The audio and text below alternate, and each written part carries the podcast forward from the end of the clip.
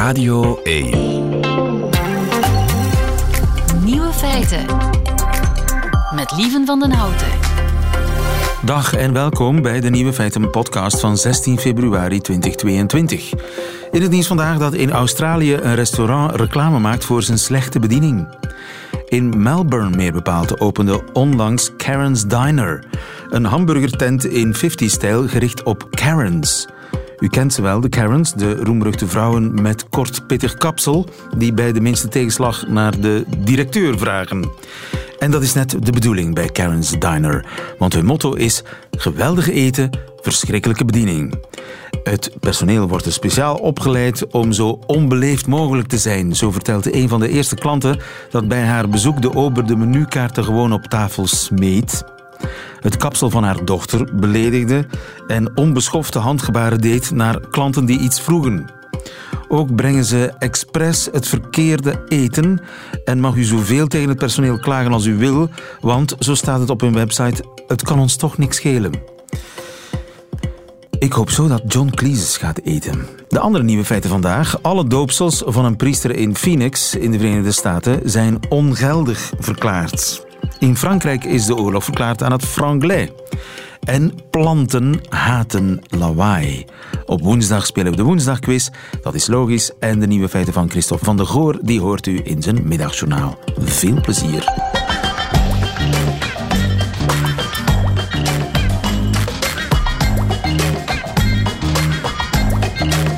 Nieuwe feiten. Al uh, weken maakt de hele wereld zich zorgen dat de Russen Oekraïne binnenvallen, maar de Fransen die maken zich zorgen om een andere invasie, namelijk die van het franglais. Jolien de Bouw, goedemiddag. Hey, goedemiddag. Onze vrouw in uh, Frankrijk. De Académie Française die publiceerde gisteren een dossier van wel 30 bladzijden waarin zij waarschuwen voor de opkomst van het franglais. Wat is dat ook alweer, franglais? Dat is dus een samentrekking van français en anglais. Dat is dus het gebruik van Engelse woorden in de Franse taal. C'est Single Sovereign Digital Market, des gros programmes américains Space and Defense. Changer de business model, scale up, comme on dit en bon français. Oké, okay, dus ook de president is er uh, door besmet door dat franglais, duidelijk. Ja, zeker de president, hè, dat is echt de ja, start-up taal. Dat komt allemaal een beetje uit Californië, uit Silicon Valley. En uh, steeds meer jonge mensen dan vooral in de bedrijfswereld, die, ja, die hun zinnen zijn half Engels, half Frans. En dat geeft dan zo van die rare, ja, raar klinkende zinnen toch wel. Nu, in het uh, Nederlands is het niet anders. Hè. Ook wij zijn voortdurend aan het fine-tunen en uh, boosteren en mailen. Klopt. Via onze smartphone. Het verschil is dat het in, in het Frans, of de Fransen verzetten zich daartegen. Of een bepaald soort Fransen, met name die academie, ja. die verzet zich daartegen. Ja, en het, de voornaamste reden is eigenlijk, de academie zegt, niet iedereen verstaat die taal. Vooral dan wanneer het in de publiciteitswereld, hè, wanneer er reclameslogans zijn waarin Engelse woorden gebruikt worden, staat eigenlijk een derde van de Fransen het niet. Dus dat is redelijk problematisch. Het zijn dan ook vooral oudere mensen en minder opgeleiden die het niet verstaan. Dus daar zijn kloven die al bestaan en die worden dan volgens de academie nog verdiept door het gebruik van dat franglais. Ja, maar is er niet een soort commissie die speciaal is opgericht om Franse woorden te bedenken? Ja, inderdaad. Er is la commission d'enrichissement de la langue française. Hè, dus zij moeten de taal rijk houden of nog verrijken. En zij zijn eigenlijk op zoek gegaan naar allerlei Franse woorden voor Engelse termen. En ja. daar zijn dan van die heel rare woorden ook uitgekomen. Een smartphone werd dan een ordifoon. Hè, een ordifoon. En telefoon. Ja, maar ik heb nog nooit een ordifoon gebruikt. Uh, vrienden van mij ook niet. Ik heb nog nooit gehoord eigenlijk. Uh, een hacker werd dan een fouineur, een is dan een bogen. En phishing, filoutage, dus allemaal van die gekke woorden die nooit gebruikt worden. Courriel wordt af en toe wel eens gebruikt. Courriel is het Franse woord voor e-mail, maar de meeste Fransen zeggen gewoon e-mail. Klopt, ja.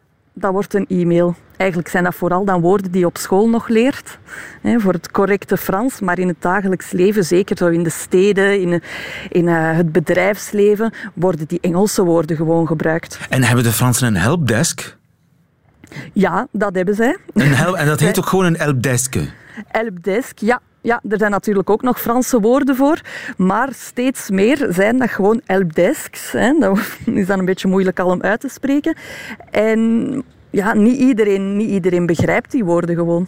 Maar het is natuurlijk ook een aanslag op de Franse trots. Hè? Ja, dat is zeker zo. Hè. En het is ook niet heel toevallig dat de academie daar nu mee naar buiten komt, net voor de uh, verkiezingen. Hè, want zij, zij willen eigenlijk dat de presidentskandidaten zich ook mee gaan inzetten voor de verdediging van de Franse taal, hè, de Oei. Franse identiteit. Dan Ja. heeft Macron nog werk.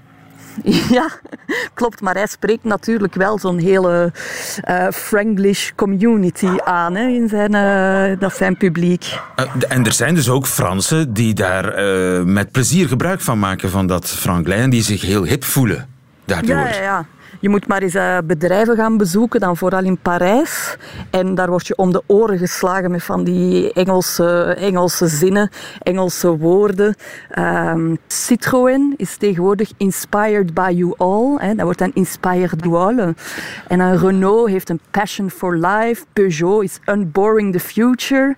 Dus dat zijn allemaal ja, Engelse, Engelse slogans geworden. Ja, dus dat is wel een enorme spagaat waar, de, de, waar Frankrijk in zit. Aan de ene kant willen ze de, de Frans, het Frans bewaren en enrichisseren of zoiets. En rijk houden. Aan de andere kant is er een hele generatie die juist uitpakt met zijn kennis van het Frans. Ja, dat klopt. En dat, zijn dan, dat is dan ook weer die tegenstelling vaak stad-platteland. Maar ehm, het probleem is ook gewoon dat veel mensen zich er ook aan storen. Dus zeker wanneer je een slogan bedenkt en die is dan in het Franglish en de helft van de Fransen vindt dat storend, dan is er natuurlijk wel een probleem in je communicatiestrategie. Ja, zo was er geloof ik een slogan van het departement Sachte. Ja. Ja, dus de Sart, hè, die zeggen Sart me up. Dat is dan weer zo'n. Sart Dat moet me je up. Ja, Sart me up. Dus om eh, zowel toeristen, maar dan vooral ook eh, ondernemers aan te trekken. Hè, start me up, Sart me up. Het is allemaal zo nogal ver, ver doorgedacht. Hè. Je moet er nogal eh, over nadenken.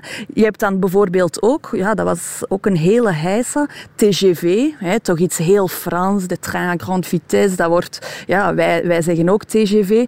Plots is die naam veranderd in WeGo. Hè, we, zoals ja, maar dat klinkt dan ook als we, wij, go. Ehm, ja, dat, plots het WeGo. Maar ja, dan geschreven, eh, TGV, met- dus WeGo. De, En welke slogan Ja. heeft de WeGo? Alors, ready to WeGo. Dus dat is ook niet voor iedereen. Hè. Eh, Wat, wat was er mis met de goede oude TGV? Ja, die vraag kun je stellen. En eh, wie weet dat het nog een thema wordt in de presidentsverkiezingen. De strijd tussen voor- en tegenstanders van het franglais. Jolien de Bouw, dankjewel. Goedemiddag. Goedemiddag.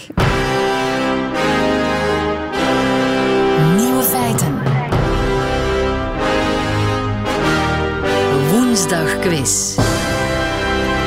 Het gaat weer gebeuren. Goedemiddag, Gilles Wijkmans. Goedemiddag. Gilles Wijkmans, jury van de Nieuwe Feiten Woensdag quiz en ook samensteller ervan. We spelen voor een boekenbon van 25 euro te gebruiken bij een onafhankelijke boekhandelaar aangesloten bij Confituur. Een van de kandidaten is Arne. Goedemiddag, Arne. Goedemiddag. Arne uit Hoven.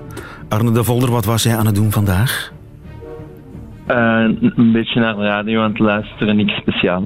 Gewoon niets doen en naar de radio luisteren. Het bestaat nog, Arne. Mag ik je feliciteren?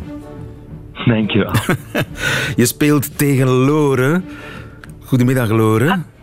Hallo, dag Nieve. Lore van Bezien uit Mechelen. Wa- Was jij ook gewoon naar de radio aan het luisteren? Niks aan doen verder? Ja, we waren aan het wachten op de woensdagquiz. Nog beter. Ook dat komt voor. Ook daarvoor van harte gefeliciteerd, Lore van Bezien. Ik ga jullie kennis testen, Arne en Lore, van vier nieuwe feiten. Ik begin bij Arne, die zich eerst heeft gemeld. Zolang hij juist antwoord blijft hij aan de beurt. Bij een fout antwoord gaat de beurt naar Lore. En wie het laatste nieuwe feit goed kent, die wint deze quiz. Duidelijk lijkt mij, hè? Ja. Laten we er meteen aan beginnen. Elon Musk moet van de Amerikaanse overheid, Arne. Die moet bijna 580.000 Tesla's terugroepen. Wat was het probleem met die auto's? A. Die auto trekt zo hard op dat de voorwielen van de grond komen. B. De Tesla's in kwestie laten scheten en mekkeren als een geit. C. Die auto's hadden een ingebouwde koffiemachine in het dashboard en dat leidde verschillende keren tot brandwonden. A, B of C? Arne. B. B, dat zeg je heel gedecideerd. Dat is helemaal goed. Je wist het. Ja, ik had het vanmorgen nog gelezen. Ah, op, je, op de socials, hè. Op de, op, de, op de socials circuleert het. Ik heb het eigenlijk ook al gezien. Eh, ja, Ja, Gilles. dat mag. Scheterlatende Tesla's. Ja, inderdaad. Dus in 2020 had eh, Tesla een nieuwe feature, zoals dat dan hip heet, geïnstalleerd op Tesla's. Een feature, een feature. Een feature, ja. En ehm in, de feature was dus de boombox. En daarmee konden dus de de boomboxen. Maar wat is een boombox? Dat is gewoon een, een luidspreker. Aan de buitenkant van de auto. Dus de bestuurder kan dan zeggen: Ah ja, ik ga mijn Tesla een scheet laten. Eh, ja, op de Louisa-laan bijvoorbeeld. Maar volgens de Amerikaanse overheid, die zeggen dan van ja, kijk, het is een elektrische auto, die moet een waarschuwingssignaal hebben voor voetgangers, zodat die weten bij lage snelheden, er komt een eh, auto aan. En die scheten en het mekkeren van de geit zouden dat signaal kunnen verstoren. Oké, dus die auto's moeten eh, terug naar de fabriek en aangepast worden. Arne had het goed, dus ik blijf bij hem. Vraag 2. Welke maatregel heeft de Spaanse overheid getroffen om iets te doen tegen het nijpend tekort aan politieagenten? A. Het alcoholverbod tijdens de diensturen is opgeheven. B. Agenten mogen voortaan de combi als bedrijfswagen gebruiken. Ze mogen er ook in het zwart mee gaan tuinieren. Naar de bijvoorbeeld. uitgaan. C. Aspirant-agenten moeten geen spellingstests meer doen. Ehm, ik denk C. Dat is helemaal goed. Dat was een beredeneerde gok, Arne. Ja, dat was inderdaad een gok. Maar goed gegokt. Goed gegokt, absoluut. De aspirantagenten in Spanje die krijgen een heel zware spellingtest te verduren. Ze krijgen een lijst met 100 woorden en dan moeten zij zeggen welke woorden daarvan foutief gespeld zijn. Alleen zitten daar heel obscure woorden bij, zoals jujo, wat een Latijns-Amerikaans eh, kruid is. Maar ja, als je in Spanje woont, dan ken je natuurlijk niks van Latijns-Amerikaanse kruiden. Dus nu heeft eh, de overheid beslist, we gaan die spellingstest afscha- afschaffen. In de hoop eh, meer politieagenten te kunnen aanstellen. Vraag 3. Arne, jij speelt een geweldig eh, spel op dit ogenblik. Je rijdt een geweldig parcours. Loren, hou je het nog vol? Dankjewel. Met zo'n tegenkandidaat? Ja, we hadden ook de juiste antwoorden al in ons hoofd gegeven. Dus jammer, maar wel proficiat aan de sterke kant. Verschrikkelijk is dat. Het is nog te vroeg voor proficiat trouwens. Hè? Ah ja, het, alles kan nog gebeuren. Inderdaad. Vraag 3. Arne, hoe kunnen Amerikanen tegenwoordig een gratis universitaire opleiding krijgen? A. Door een job te krijgen in Dollywood, het pretpark van Dolly Parton. B. Door een eetwedstrijd te winnen. C. Door genoeg bonuspunten te verzamelen bij Amazon. Oh, ik Ja. denk A. Dat is helemaal goed. Arne!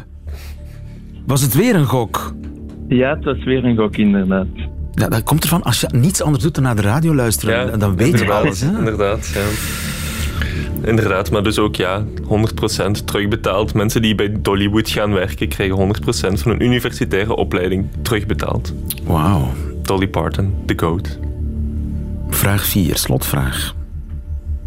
Arne, het Britse Koningshuis heeft heel veel merchandise. Maar welk nieuw product brengt de 95-jarige Queen binnenkort op de markt? A. Een koninklijke rollator. B. Een stokpaard gemodelleerd naar haar favoriete paard. C. Ketchup. Oh, B. Fout. Loren. Het wordt echt spannend. Ja, Slaag jij erin om deze vraag goed te beantwoorden, dan win je deze quiz. We gaan voor C. Dat is helemaal goed. Oh, oh, oh, oh, Loren van Bezien, gefeliciteerd. Want jij bent de winnaar van deze quiz.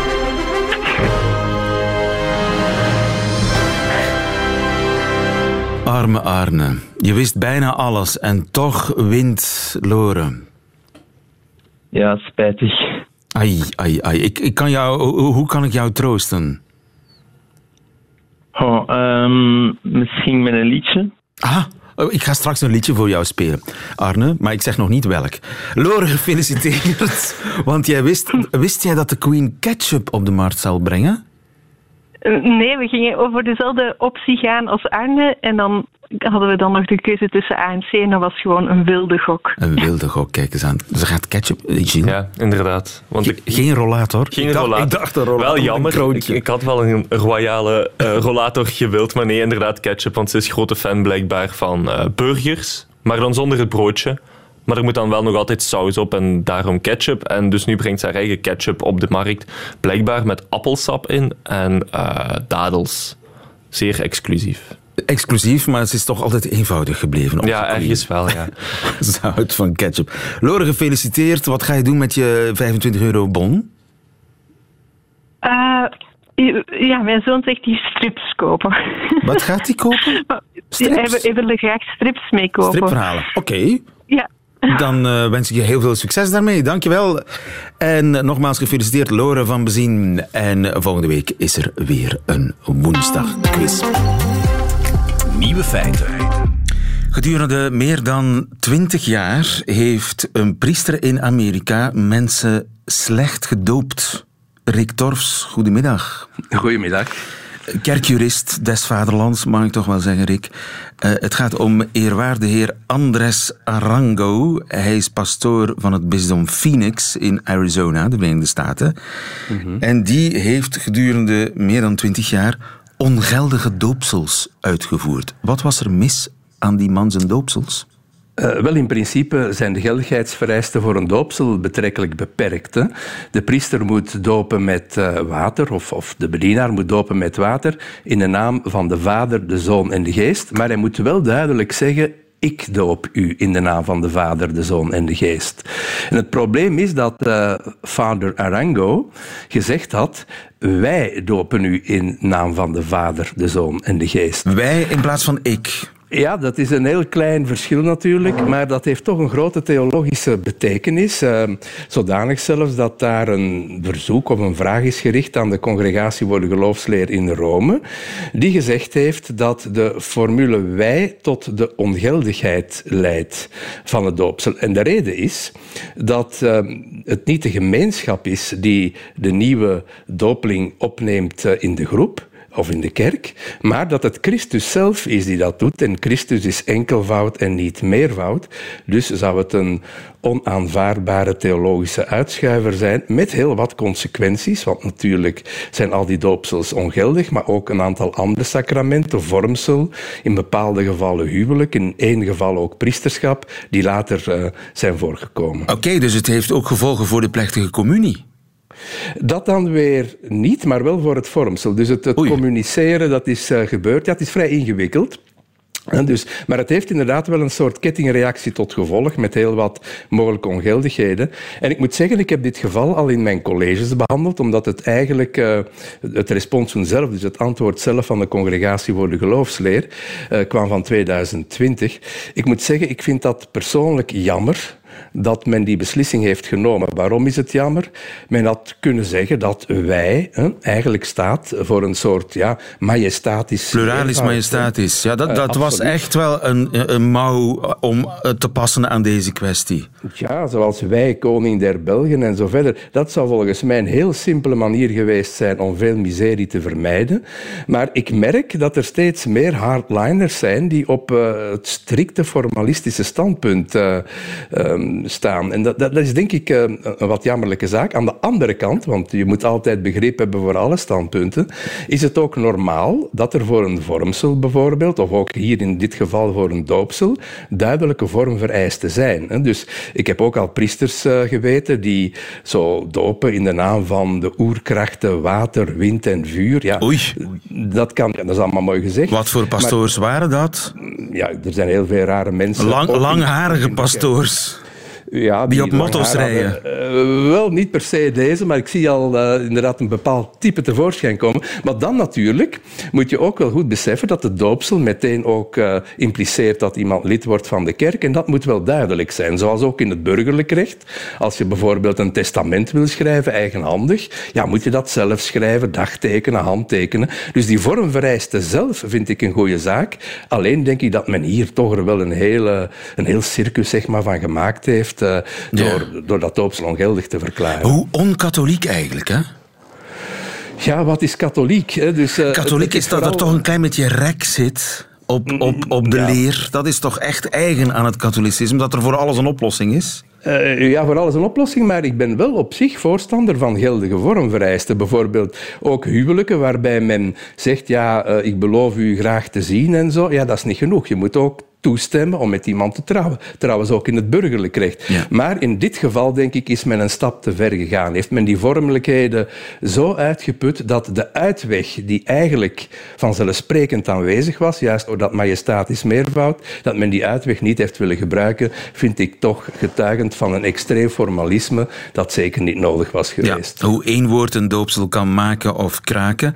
En, ja. Uh, ja, en het, als je dan niet geldig gedoopt bent, kun je niet geldig gevormd Uh, geldig uh, in het huwelijk zijn of uh, geldig tot priester worden gewijd natuurlijk. Dus dat heeft heel verstrekkende ja. gevolgen. Ja. En bijvoorbeeld in bepaalde gevallen moeten mensen teruggedoopt worden dan. Hè? En dan schrijft de bisschop van Phoenix dat in afwachting die mensen de communie niet mogen ontvangen en zo verder. En dat vind ik toch een, een, een, een soort bijna formalistisch steekspel ja. dat de redelijkheid voorbij gaat. En daar ben ik het volledig met u eens dat daar de kerk het formalisme zou moeten kunnen overstijgen. Ja. Maar dus een doopsel met terugwerkende kracht, dat, dat gaat natuurlijk niet. Je kunt, je kunt niet uh, ja, die, al die jaren die je ongeldig gedoopt was nu geldig gedoopt maken? Nee, dat gaat niet voor het doopsel. Dat gaat dan weer wel in bepaalde gevallen voor het huwelijk. De zogenaamde sanatio in radice, een prachtig woord. Dat is de gezondmaking in de wortel, waarbij bepaalde vormvereisten die bijvoorbeeld niet werden vervuld met terugwerkende kracht kunnen Kijk, worden dat is katholicisme. Uh, goed gemaakt. Dat is katholicisme. Voor een doopsel, gezien dat echt het begin is van alles, uh, gaat dat niet. Maar nogmaals, ik denk dat het een verkeerde beslissing was van de prefect ja. van de congregatie kardinaal Adaria, denk dat het niet slim was. En die pastoor, was die ter goeder trouw? Was die, had hij in het seminarie niet goed opgeleid? Was die eigenzinnig? Ja, niet, niet alle priesters beschikken over uh, duizelingwekkende geestelijke vermogens, laten we daar al duidelijk over zijn. Maar wat wel zo is, dat uh, de bisschop meent dat de man te goeder trouw was. En ik denk dat ook, hè, dus waarschijnlijk wel. Uh, maar misschien was die ook meegesleept in een soort ja, meer communautaire visie van het geloof, waarbij de gedachte is, het is de gemeenschap die nieuwe leden verwelkomt. Klopt niet met de leer van Vaticanum II, maar vele priesters van een bepaalde generatie zijn zo misschien wel opgevoed. Het kan best zijn dat die man, die dus blijkbaar een Braziliaans priester is, dat hij ergens is opgeleid op, op zo'n wijze dat hij de verkeerde informatie meegekregen heeft bij zijn opleiding. En als hij dan geen kerkjurist is, ja, wie geen kerkjurist is, kan op allerlei manieren ontsporen, dat weten we allemaal. Ja. En de slachtoffers, als ik het zo mag noemen, de mensen die uh, ongewild ongedoopt zijn, die kunnen nu niks anders doen dan zich alsnog geldig laten Ja, en dat gaan ze waarschijnlijk ook doen. Hè? Dus uh, het is zo dat in Amerika het katholicisme op een andere manier wordt beleefd dan bij ons. Vaak conservatiever, uh, helaas soms, maar ook formalistischer. Bij ons is dat een, iets dat op uh, ja, zou worden onthaald. Maar in Amerika is de kans zeer reëel dat een groot aantal mensen inderdaad voor een nieuw doopsel gaat als volwassene met alle ongemakken van dien. Want als kind natuurlijk weet je er niet zoveel van. Dat kunnen mensen zijn dus van, van 18 jaar, van 20 jaar, helemaal het begin van de carrière van die priester. En waarschijnlijk zullen die die stappen allemaal zetten. Helder. Rick Torfs, dankjewel. Goedemiddag. Goedemiddag. Nieuwe feiten. Lieven van den Houten. Planten die kunnen ook last hebben van geluidsoverlast, van lawaai. Dat blijkt uit een nieuw onderzoek in Iran. Koen S., goedemiddag. Goedemiddag. Van de plantentuin in uh, Meissen. Interessant onderzoek in uh, Iran, waarbij ze, denk ik, identieke planten hebben gemonitord. De ene plant groeide in stilte, de andere in lawaai. Ja, dat klopt. Men heeft uh, gewoon banale uh, tuinplanten, uh, stinkertjes, tagetes, hè, of Afrikaantjes zoals we ze kennen, en ook salvia's, een tweede soort, die we ook in onze tuinen planten. Die heeft men gedurende 15 dagen getest en men heeft die 16 uur per dag verkeerslawaai laten horen. En in de controleconditie natuurlijk heeft men ze gewoon in stilte laten opgroeien. En dan zag men een groot verschil. En waar zat dat verschil in? Het verschil is dat die, die planten die aan lawaai worden blootgesteld veel kleiner beven. Dus dat die veel minder uh, in volume, dus kleinere blaadjes, kleiner van plant, uh, ook kleinere bloemen gaven. Dus die waren veel gedrongener dan uh, de planten die in de stilte konden opgroeien. En is dat het eerste onderzoek dat daarop wijst, of ligt dat in het verlengde van eerdere vaststellingen? Ja, men is eigenlijk al heel erg lang uh, planten en geluid en planten en muziek aan het onderzoeken. Is een, in de jaren 60 in Colorado is er eigenlijk al een soort onderzoek gebeurd met rijst en tabak en pindas. Uh, waarbij men dan uh, dacht van ja, als we die muziek laten horen is de opbrengst misschien, misschien wat hoger. En achteraf in Illinois heeft men bijvoorbeeld maïs gekweekt die men blootstelde aan luide rockmuziek. En wat bleek dan? Dat die maïs steviger en productiever was dan degene die geen muziek te horen kregen. Die imiteerden de hardrockzangers, die waren ook stevig. Meestal zijn die toch ook stevig. Maar uh, hoe kan dat dan? Hebben planten oren? Nee, toch? Wel, eigenlijk, uh, geluid, geluid zijn eigenlijk uh, trillingen. En het zijn de trillingen die de planten waarnemen. Um, in, in Nederland in 2003 heeft men ook nog onderzoek gedaan, bijvoorbeeld bij hortensia's, waarbij men die in verschillende condities heeft opgekweekt door ze bijvoorbeeld uh, continu aan te raken of op een trilplaat te zetten, of wind, een ventilator erop te plaatsen, of geluid te laten horen. En al die die dingen dat zijn een soort van uh, triggers, trillingstriggers, die ervoor zorgen dat die plant stresshormonen gaan, uh, gaan produceren. Ethyleen is er daar eentje van. En dat ethyleen, dat fytohormoon dat de plant produceert, dat zorgt dat de plant wat meer gedrongener groeit. En als, je dat, uh, als ze geen of veel minder ethyleen produceren, dan gaat een plant veel eiler groeien. Dus geluid is voor een plant zoiets als wind? Ja, inderdaad. Het zijn eigenlijk trillingen. Het is akoestische energie die overgebracht wordt. Dus de plant neemt dat waar uh, en reageert daar dan op. Eh, maar het is niet zo dat een plant daar kapot aan gaat. Maar de plant past zich gewoon aan. De plant past zich perfect aan aan de omgeving in dit geval. Dus het is, uh, hij gaat in interactie met zijn omgeving. En als een omgeving is met veel lawaai of met veel wind, dan zal die plant dus gedrongener groeien. En dat heeft een groot voordeel. Hè. Denk bijvoorbeeld aan planten die uh, aan de zee groeien, waar continu uh, de wind op blaast. Of, of planten aan het Middellandse zeegebied, waar de mistral waait. Wel, die worden continu blootgesteld aan die wind. En het voordeel van dan gedrongener te groeien, is dat die veel beter aangepast zijn aan hun groeiomstandigheden dan planten die eiler zouden groeien, want die zouden veel makkelijker kunnen omverwaaien of afbreken.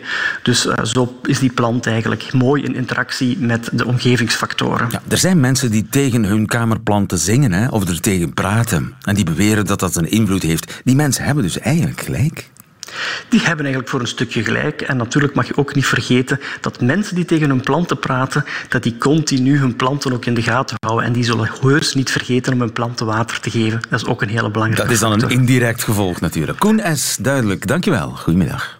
Goedemiddag. Nieuwe feiten. Radio 1. Voilà, dat waren ze. De nieuwe feiten van 16 februari 2022. Alleen nog die van Christophe van der Goor nu in zijn middagjournaal. Nieuwe feiten. Middagjournaal. Goedemiddag. Een mens maakt wat mee dankzij de VRT. Met deze eenvoudige rijmwoorden in het genre rijmen en dichten zonder uw gat op te lichten, beëindigden we ons middagjournaal van gisteren.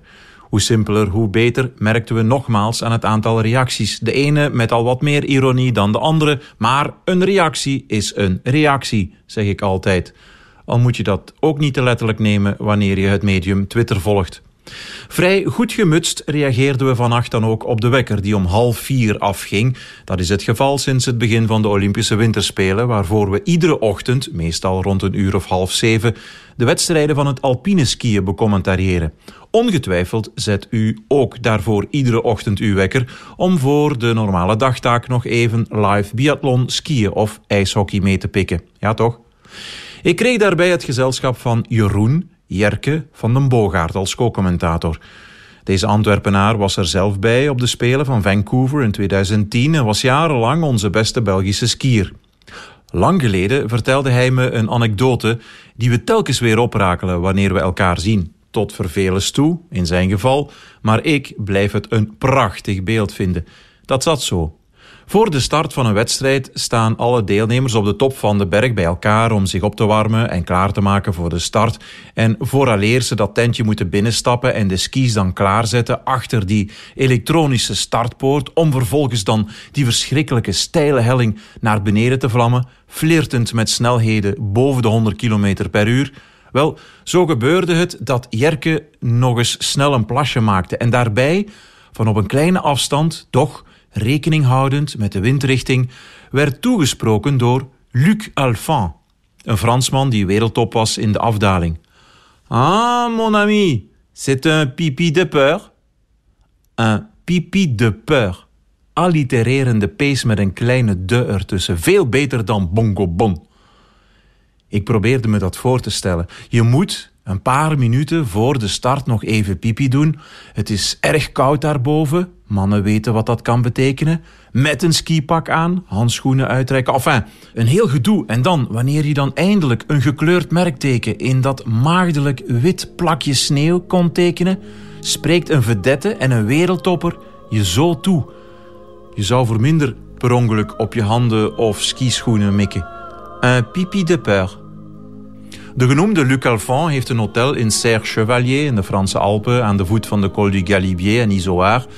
En telkens weer, wanneer we in de Ronde van Frankrijk renners op hun dunne bandjes een kool zien afvlammen met duizelingwekkende snelheden langs een diep ravijn vol rotsen, telkens denken we dan, hmm, toch niet te lang bij stilstaan, want we voelen het al opkomen. Inderdaad. Mag het nog één keer? Un pipi de peur.